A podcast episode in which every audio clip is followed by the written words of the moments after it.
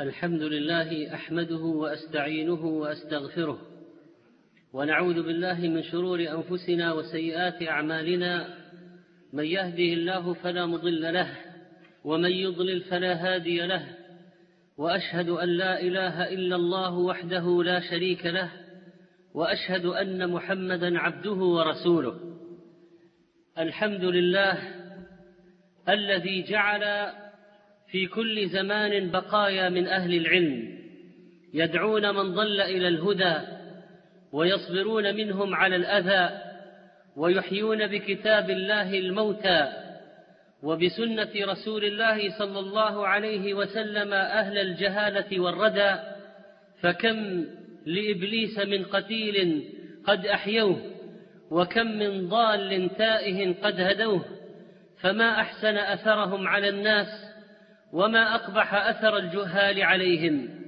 ينفون عن دين الله تحريف الغالين وانتحال المبطلين وتأويل الجاهلين فهم منارات الأرض وورثة الأنبياء وخيار الناس ودعاة الحق وأنصار الدين يهدون الناس إلى معرفة الله وطاعته ويبينون أحكامه وشريعته ويوجهون العباد إلى الخير والصلاح. يستغفر لهم من في السماوات ومن في الأرض.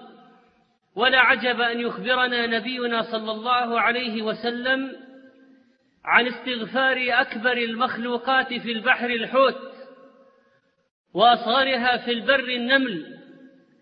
فالحوت في البحر والنمل في الجحر يستغفرون لأهل العلم. فما بالك بما بينهما من الدواب من الأحجام الأخرى؟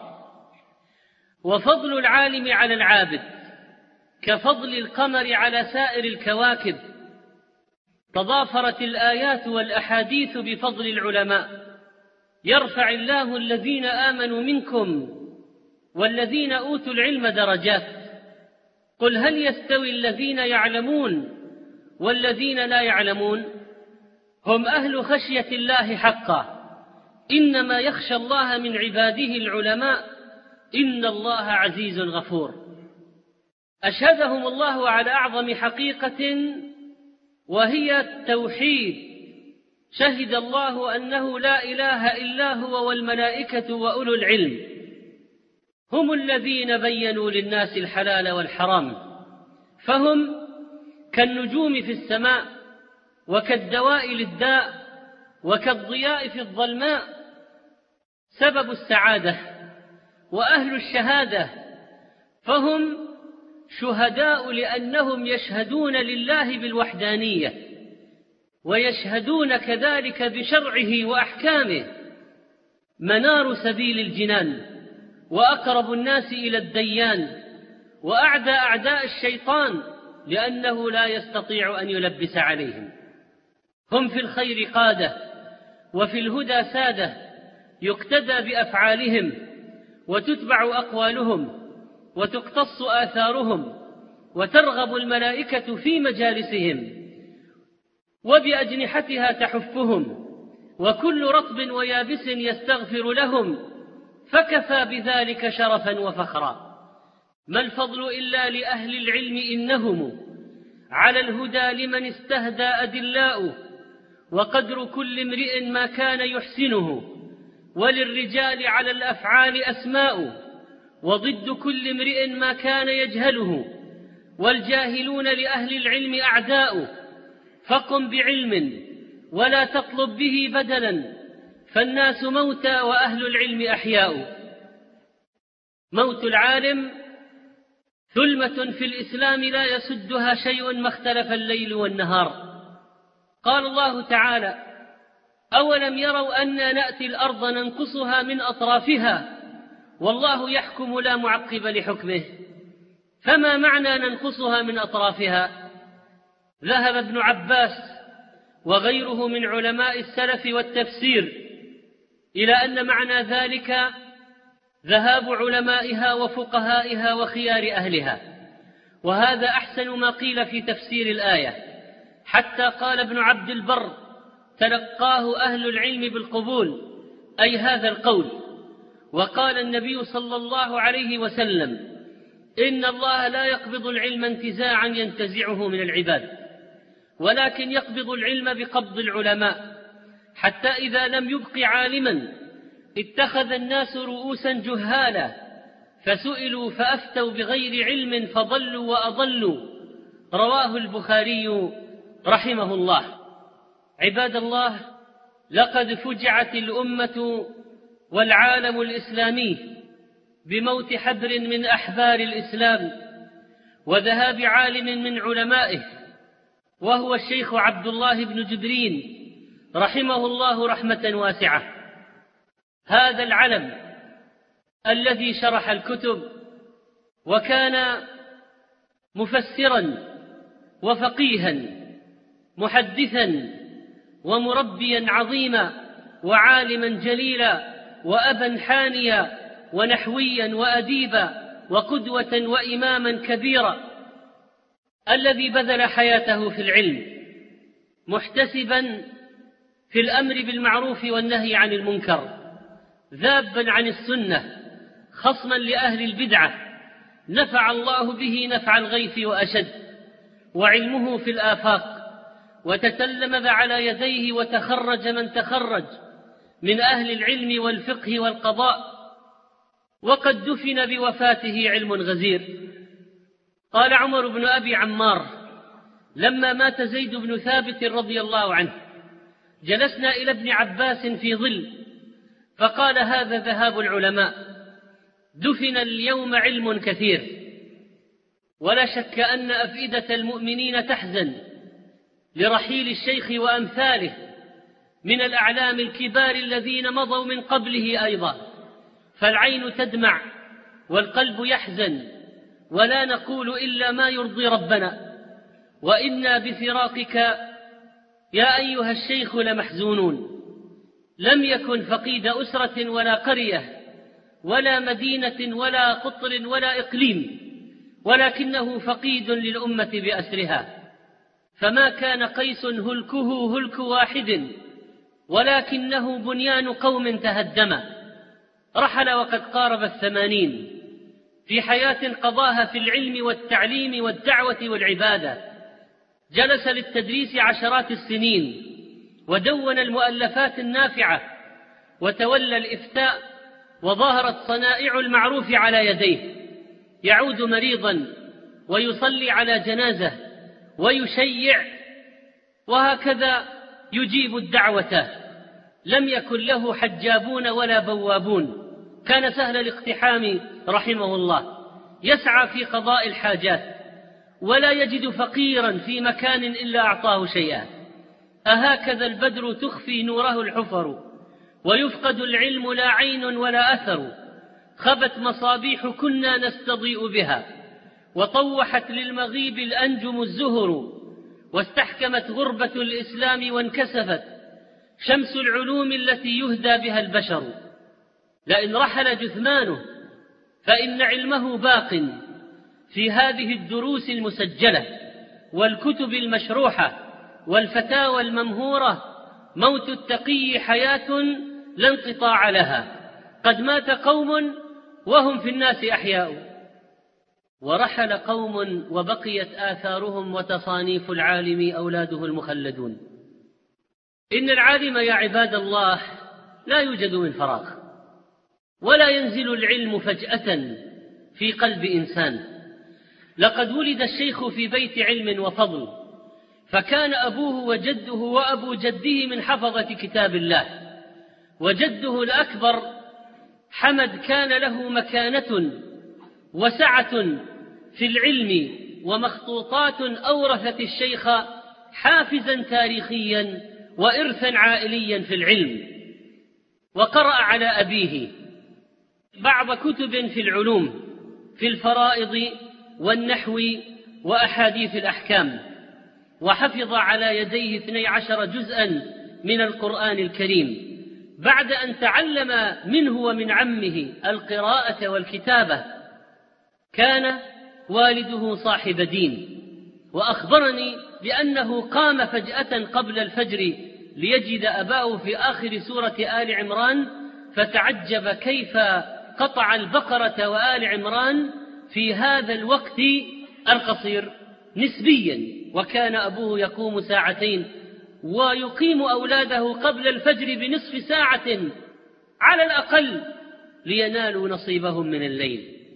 وعندما بلغ سن السابعة عشر طلب من قاضي البلد الشيخ أبي حبيب عبد العزيز الشتري رحمه الله أن يقرأ عليه فاشترط عليه أن يتم القرآن.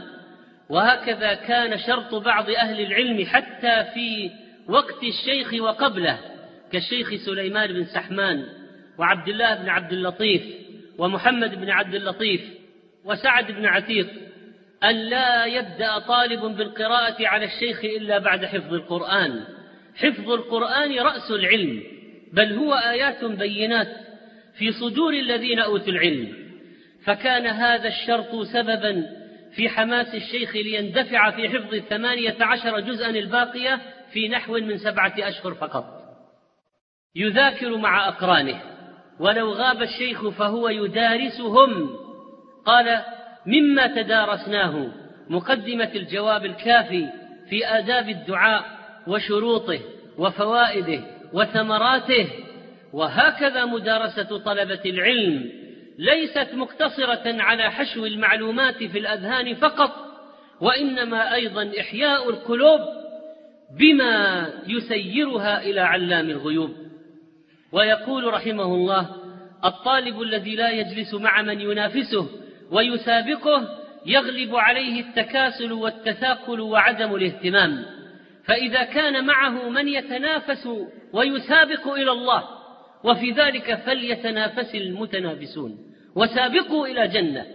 قال تنبعث همته وتقوى عزيمته وينشط في البحث والقراءة. وهكذا بقي يقرأ على الشيخ المطولات فأنهى تفسير الطبري.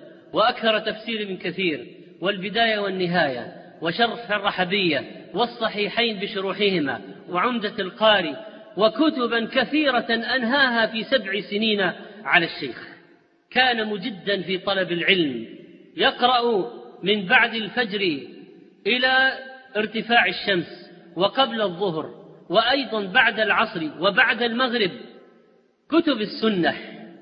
وهكذا الكتب الجامعة بين الحديث والفقه فأنهى على شيخه الصحيحين ومختصر سنن أبي داود وجامع العلوم والحكم وسبل السلام والآداب الشرعية لابن مفلح وشرح الزاد ومتون أخرى كثيرة جدا. ومما أبكى الشيخ عبد الله مرة أن المطر نزل على بيته الذي كان يسكن فيه من طين وسقفه من خشب فأغرق أوراقا كان الشيخ قد كتبها من شروح شيوخه. ثم امتن الله باستنقاذ أكثرها. كان رحمه الله متنوع المشارب. فكان يمشي من بلدته إلى بلدة أخرى فيها شيخه صالح بن مطلق نحو من سبعة كيلو على قدميه. ليكون من الصباح إلى المساء عند الشيخ ثم يعود إلى قريته. وأحيانا يبيت عند شيخه ليعود في اليوم التالي. هكذا مشيا على الأقدام. كوكبة أهل العلم. وشيخه هذا كان يحفظ ما يزيد على خمسين ألف بيت من الأشعار والمقامات. وكان ضرير البصر سافر معه الشيخ عبد الله للحج مرتين. وقد سافر الشيخ عبد الله على الدواب أيضا. وسافر بالسيارة في أول قدومها فمكثوا خمسة أيام في الذهاب وثلاثة في العودة. وحج مع شيخه الضرير فكان ذلك العالم الضرير يوقفهم على المناسك وهو ضرير ويشرحها لهم ويصفها لهم بأبعادها وهيئتها ويصعدهم الصفا ويذكرهم بدعاء الصعود. وفوقه يستقبلون البيت ويذكرهم بدعاء الصفا. كان التعليم عمليا وهكذا تلقى التلاميذ من شيوخهم وهكذا التعليم في الإسلام. ركب صندوق سيارة وتحمل المشاق ولما جاء شيخه أبو حبيب إلى الرياض جاء معه. ونزلوا في ضيافة للشيخ جلسوا فيها مدة. فلما ازدحمت آثر هو ورفيق له أن يستأجر غرفة لينتقل إليها حتى لا ينقطع من المذاكرة والمدارسة بسبب كثرة الزوار ولا تشغلهم الزيارات عن طلب العلم. حضر في الرياض على العلماء الكبار ودرس على محمد بن إبراهيم رحمه الله الروض المربع. وبلوغ المرام وفتح المجيد وكتاب الإيمان والواسطية والحموية وغيره كثير وتنوعت مشارب شيوخه فهذا إسماعيل الأنصاري الإفريقي ومحمد البيحاني الحضرمي وابن عمار الجزائري وعبد الرزاق عفيفي المصري ومحمد الأمين الشنقيطي الموريتاني الشنقيطي وهكذا في كوكبة من أهل العلم درس عليهم. وحضر مجلسا ليتنا حضرنا فيه. ولو أنا أعطينا الدنيا بما فيها. قال لي رأى شيخنا أبو حبيب عبد العزيز الشثري رحمه الله أن يستزير العلماء في بيته في درس مرتب فاستضاف الشيخ عبد العزيز بن باز والشيخ عبد الرزاق عفيفي وأمرني يقول الشيخ عبد الله أن أقرأ من صحيح البخاري فكانوا يعلقون فهؤلاء الكبار يعلقون وهذا الشيخ الكبير يقرأ أيضا فما بالك بدرس هؤلاء حضوره ورواده عباد الله لم يكن الشيخ ممن يقبع في البيت ويمكث مع الكتب أبدا. لم يكن هذا ديدنه فقط بل كان يسعى في نشر العلم بكل سبيل وكان في رحلة للمناطق الشمالية بتكليف من الشيخ محمد بن إبراهيم رحمه الله مع شيخه أبي حبيب. ثلاثة أشهر ونصف ابتداء من أرماح إلى الحدود الشمالية وحفر الباطن والقيصومة وحدود العراق إلى حدود الأردن والطريف إلى حقل وحدود الساحل الغربي رجوعا إلى المدينة وخيبر والعلا وتبوك ونحو ذلك وهكذا إلى الرياض. ثلاثة أشهر ونصف لتفقيه البادية وتعليم الناس في تلك المناطق أمور دينهم. ولا أعرف في هذا الزمان عالما رحل في التدريس وإقامة الدورات العلمية ودخل القرى والهجر والبلدات كالشيخ عبد الله بن جبرين رحمه الله.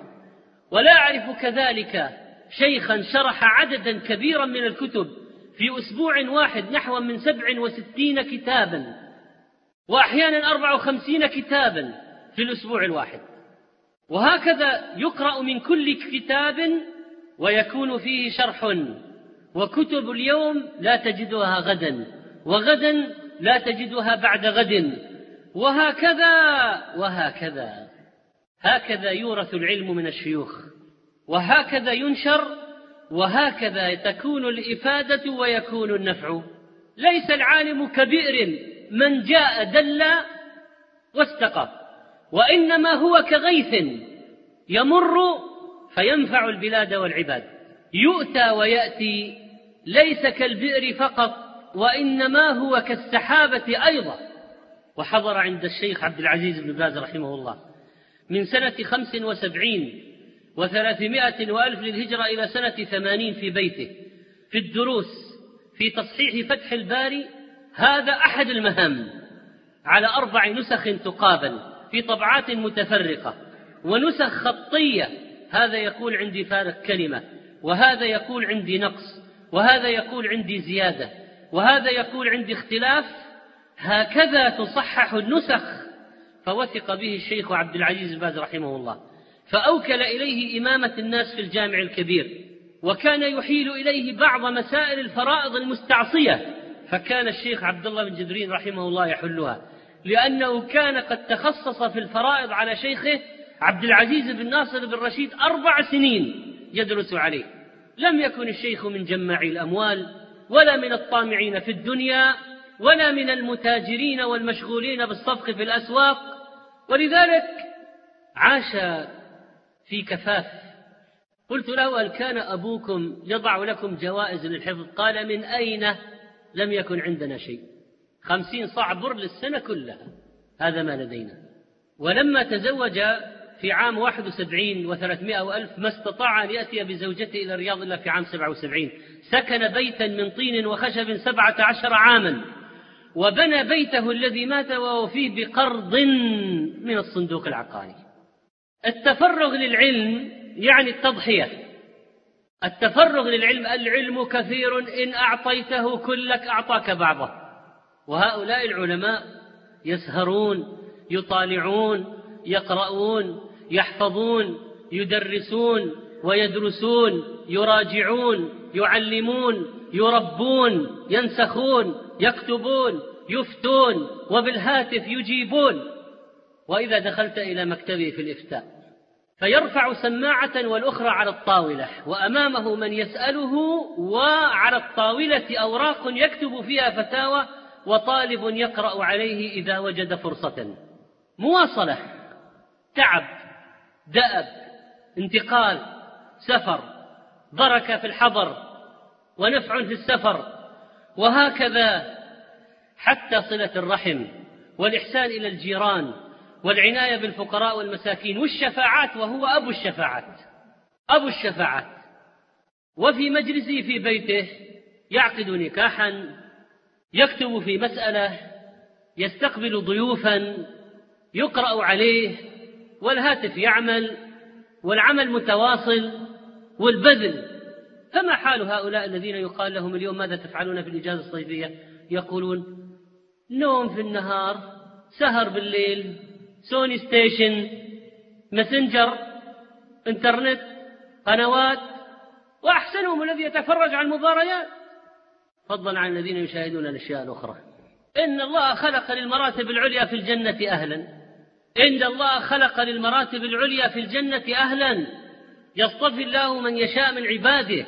ألا إن سلعة الله غالية. ألا إن سلعة الله الجنة. وحفت الجنة بالمكاره.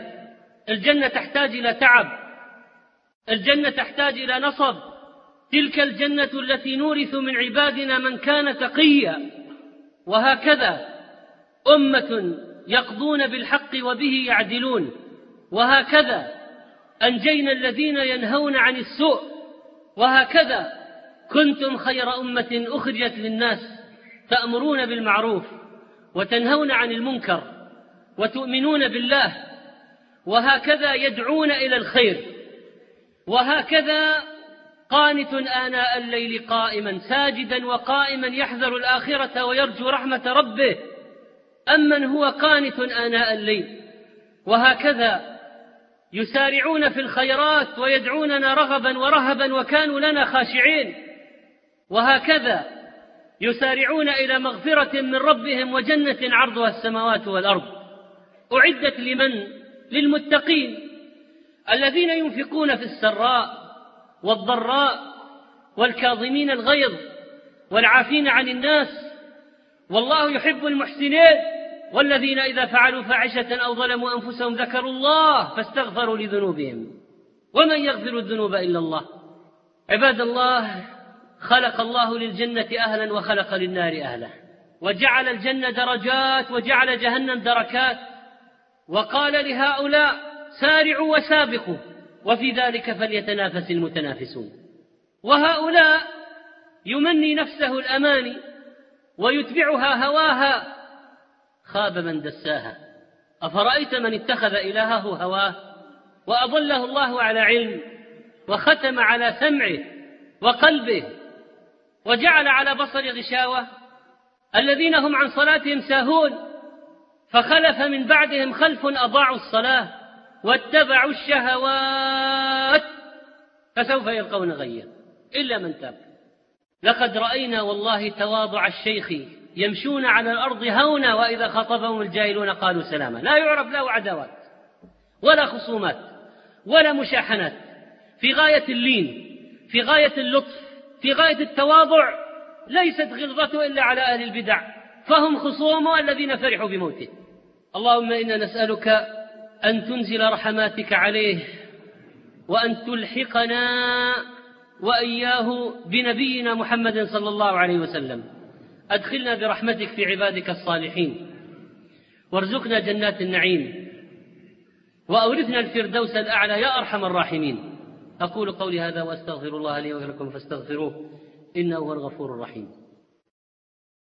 الحمد لله الذي أرسل محمدا صلى الله عليه وسلم بالحق بشيرا ونذيرا بين يدي الساعة داعيا إليه بإذنه وسراجا منيرا. أشهد أن لا إله إلا الله الحي القيوم يصطفي من خلقه من يشاء من الأنبياء ويجتبي من يسير على نهجهم من العلماء ويرفعهم درجات كيف شاء سبحانه وتعالى لا إله إلا هو وحده لا شريك له الملك وله الحمد. وهو العليم علام الغيوب علم بالقلم علم الإنسان ما لم يعلم. والصلاة والسلام على النبي الأكرم. أشهد أنه رسول الله حقا والداعي إلى سبيله صدقا. إمام العلماء والمتقين وقائد الغر المحجلين والشافع المشفع يوم الدين صلى الله عليه وعلى آله وصحبه. وذريته الطيبين وأزواجه وخلفائه الميامين والتابعين لهم بإحسان إلى يوم الدين. عباد الله عندما ترى غزارة العلم عندما ترى الحفظ العجيب الذي يطعن فيه اليوم أهل النفاق فلا يريدون أن يحفظ الطلاب في صدورهم كتاب ربهم ولا أحاديث نبيهم صلى الله عليه وسلم. والحفظ أساس العلم وأساس الفهم وأساس الاستدلال والعدة للخطباء والكتاب وأهل العلم النجبا هكذا ترى العالم في حفظه العجيب وسرده المهيب. ترى الشيخ عبد الله في شروح كتبه وعلمه في شروحه أكثر مما ترى في فتاويه. وبعض الناس لا يعرف إلا نزرا من فتاوى الشيخ. وعلمه في شروح كتبه فيستدل بالكتاب والسنة وأقوال الصحابة والتابعين ومن بعدهم من المتقدمين والمتأخرين والفقهاء والمحدثين والأثر والنظر ومن أقوال السلف ومن متأخرين من الخلف وهكذا يورد ويسرد يدلل ويناظر ويحج وهكذا يبين كما أمر الله أهل العلم لتبيننه للناس ولا تكتمونه. ومنهم اليوم من هؤلاء الذين برزوا على الناس يستحي الواحد أن يقول عن مسألة حرمها الله حرام لأنه يرى أن الجماهيرية والشعبية تتنافى مع التحريم وأنه إذا أراد أن يزداد شعبية على القنوات فعليه أن يتجنب كلمة حرام ولا يجوز. فيميعون الدين ويخبطون خبط عشواء في شريعة رب العالمين ويريدون استرضاء فلان وعلان ودغدغة مشاعر المشاهدين فأين العهد الذي أخذه الله عليهم؟ لتبيننه للناس ولا تكتمونه. وهؤلاء الذين يخفون ويحاولون التدليس والتلبيس والتملص والخلط هؤلاء حجتهم داحضة عند ربهم لأن الله أمرهم بالبيان وليس بالإخفاء والإغماض. عباد الله هذا الشيخ الذي قارب على الثمانين وهو يطوف في البلاد لا يكاد يدع قرية أو بلدة إلا دخلها ودخل معها علمه فعقد المجالس وشرح الكتب وزار القضاة وأهل العلم والوجهاء وأجاب الدعوة وذكر في المجالس يسأله الكبير والصغير عفيفا فتسأله النساء وكان رحمه الله تعالى على ما أعطاه الله من هذه الذاكرة وهذا العلم والفهم متواضعا ينقل عن بعض طلابه مسائل ويسمع بعض أشرطتهم في الأسفار وهو معلمهم. مات الحبيب وغاب النجم والقمر واستفحل الخطب فينا وانطوى الأثر بموت شمس الهدى محيي شريعته. بالعلم والفهم والتفسير يشتهر يا ابن جبرين لا غابت مآثركم طابت مساعيك وازدانت بك السير. بحر العلوم وسمت الصالحين به. كأنه البدر في الظلماء ينتشر. مات الإمام وماتت بعده حكم. فمن لها بعدكم للحق ينتصر. لكم نبشتم علوما في أكنتها. ظلت زمانا على الأفهام تستتر. أحييتم سنن الهادي وسيرته. ورثتم العلم لما كاد يندثر كم قام في الليلة الظلماء مبتهلا والناس في لهوها تلهو وتفتخر. ما زال يفتي ويلقي كل موعظة. حتى دنا الموت والأنفاس تحتضر. يا لائمي في هوى المحبوب معذرة فالعين تبكي أسا والقلب يعتصر. في كل يوم مضى شيخا نودعه. فهل لنا في مدى الأيام معتبر هي المنية من يبقى ستأخذه؟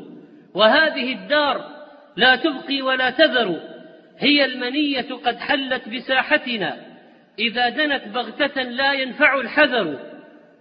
يا شيخنا يا إمام العصر يا علما بفقدكم دمعة المشتاق تنهمر قد عشت سمحا عفيف النفس مبتهجا فرحا حميدا فإن الأجر ينتظر إن شاء الله وهذا الرجاء في رب العالمين أن يرفعه فوق كثير من عباده يوم الدين وأن يغفر له ويرحمه رحمة واسعة إنه هو الغفور الرحيم. بيننا وبينهم يوم الجنائز. هكذا كانت عبارة الإمام أحمد وغيره من أهل العلم وأهل السنة وأئمة الهدى بيننا وبينهم يوم الجنائز. فحضر في جنازة بعض المبتدعة عدد على الأصابع وجنازة الإمام أحمد صلي عليه حتى في أسطحة السفن في نهر دجلة لأن البر لم يعد يتسع وصلي على شيخ الإسلام رحمه الله في الطرقات والحوانيت وأسطح البيوت وهكذا ترى جنائز أهل العلم العجيبة كالشيخ عبد العزيز بن باز رحمه الله والشيخ محمد بن صالح العثيمين رحمه الله. وهكذا جنازة الشيخ عبد الله بن جبرين جنازة الشيخ عبد الله بن جبرين كانت جنازة مشهودة حقا. ولما غسل في مغسلة الدريهمية ودخل الناس أفواجا يودعونه ويقبلونه ثم أخذ إلى المسجد الجامع الكبير بالرياض امتلأ الجامع الكبير بساحاته وأغلقت البوابات قبل الظهر وامتلأت الساحات الخارجية وامتدت الصفوف إلى مواقف الأسواق المجاورة وأوقف المشيعون سياراتهم على جوانب الطرق السريعة. يقول أحد المعلقين على الأخبار في الشبكة أنا لست بمتدين ولكن مشيت في جنازة هذا الإنسان سبع كيلو. لأن محبة الشيخ في القلب كانت أكبر من شمس الظهيرة. محبة الشيخ في القلب كانت أشد من حر الظهيرة. فنسخت هذه هذه وتحمل الناس الحر واللأواء والشدة في المشي إلى المقبرة التي ازدحمت وفي الناس من أهل البلد ومن المقيمين ومن دول الخليج ومن العرب ومن الأعاجم وأكثرهم شباب من أهل التدين بهم يغاض الأعداء وترغم أنوف المنافقين والعلمانيين. آية ما بيننا وبينهم يوم الجنائز. فأرونا يا أهل النفاق يا أيها الذين يكتبون المقالات في الطعن في الدين ودعاته وعلمائه وقضاته والآمرين بالمعروف الناهين عن المنكر. وليس الطعن في شيء شخص الطعن في المبدأ أصلا لأنهم لا يريدون نهيا عن منكر ينغص عليهم شهواتهم ولا يريدون نشرا لحق وتعليما لدين يصادم أهواءهم. أرونا جنازة كهذه؟ وعندما تقارن يا عبد الله بين جنازات أهل العلم وجنازات بعض المشاهير في عالم الغناء فانظر إلى الفرق بين رواد هذه وهذه وتفكر لماذا خرج هؤلاء وماذا خرج هؤلاء يبتغون؟ فحضر جنازة ذاك المسكين من أهل الأغاني الذين بقيوا يعزفون أمام جثته حتى توارى على أنغام الموسيقى. وجنازات أهل العلم تتبع بالدعاء والترحم والتذكر والاتعاظ والاعتبار. ينفع الميت ويرفع درجاته. وذاك يزداد سوءا ويزداد إثما ويزداد في النار دركات ينقص فيها بسبب ما أورثهم من الفسق والفجور والعصيان. فتدبر يا عبد الله وتفكر في المصير وقارن فشتان شتان. اللهم ارحم الشيخ رحمة واسعة وأسكنه فسيح الجنان. وارفع درجته في المهديين واخلف للأمة بخير يا رب العالمين. اللهم ارفع ذكره. اللهم إنا نسألك أن تغفر له ذنبه وأن ترفع درجته وأن تعلي شأنه وأن تجزيه خيرا.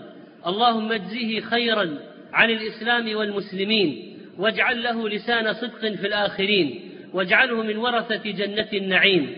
واغفر لنا وله يا رب العالمين.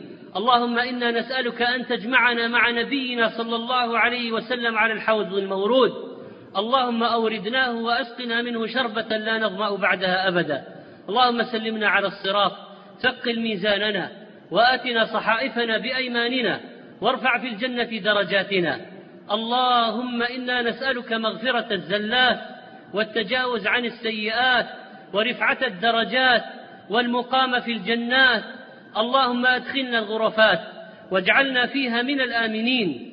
اللهم إنا نسألك يا أرحم الراحمين في مقامنا هذا معيشة هنية وميتة سوية وشهادة طيبة نلقاك بها يا أرحم الراحمين. واجعل خروجنا من الدنيا على التوحيد. اللهم لا تجعل الدنيا أكبر همنا ولا مبلغ علمنا. واجعل الجنة دارنا اللهم اقض ديوننا واستر عيوبنا. وآمن روعاتنا. اللهم احفظ بلدنا هذا وبلاد المسلمين من كل سوء. اللهم آمنا في الأوطان والدور وأصلح الأئمة وولاة الأمور. واغفر لنا يا عزيز يا غفور. أنزل رحماتك علينا. ولا تؤاخذنا إن نسينا أو أخطأنا. اللهم اجعل قلوبنا عامرة بذكرك وألسنتنا تلهج بذكرك. يا رب العالمين. ارزقنا لسانا ذاكرا. وقلبا شاكرا ونفسا تعين على الحق يا أرحم الراحمين. هب لنا من أزواجنا وذرياتنا قرة أعين. واجعلنا للمتقين إماما. علمنا ما ينفعنا وأنفعنا بما علمتنا. وزدنا علما يا ربنا. اللهم فقهنا في ديننا ويسر لنا أمورنا. اللهم ارحم موتانا واشف مرضانا. اللهم إنا نسألك أن تهدي ضالنا. وأن تجمع على الحق قلوبنا. اللهم أدخلنا دار السلام وأخرجنا من الظلمات إلى النور. يسر لنا التقوى واجعلنا من المستمسكين بالعروة الوثقى. أحينا مسلمين وتوفنا مؤمنين وألحقنا بالصالحين غير خزايا ولا مفتونين. اغفر لنا ولآبائنا وأمهاتنا. ربنا اغفر لنا ولوالدينا يوم يقوم الحساب. سبحان ربك رب العزة عما يصفون وسلام على المرسلين والحمد لله رب العالمين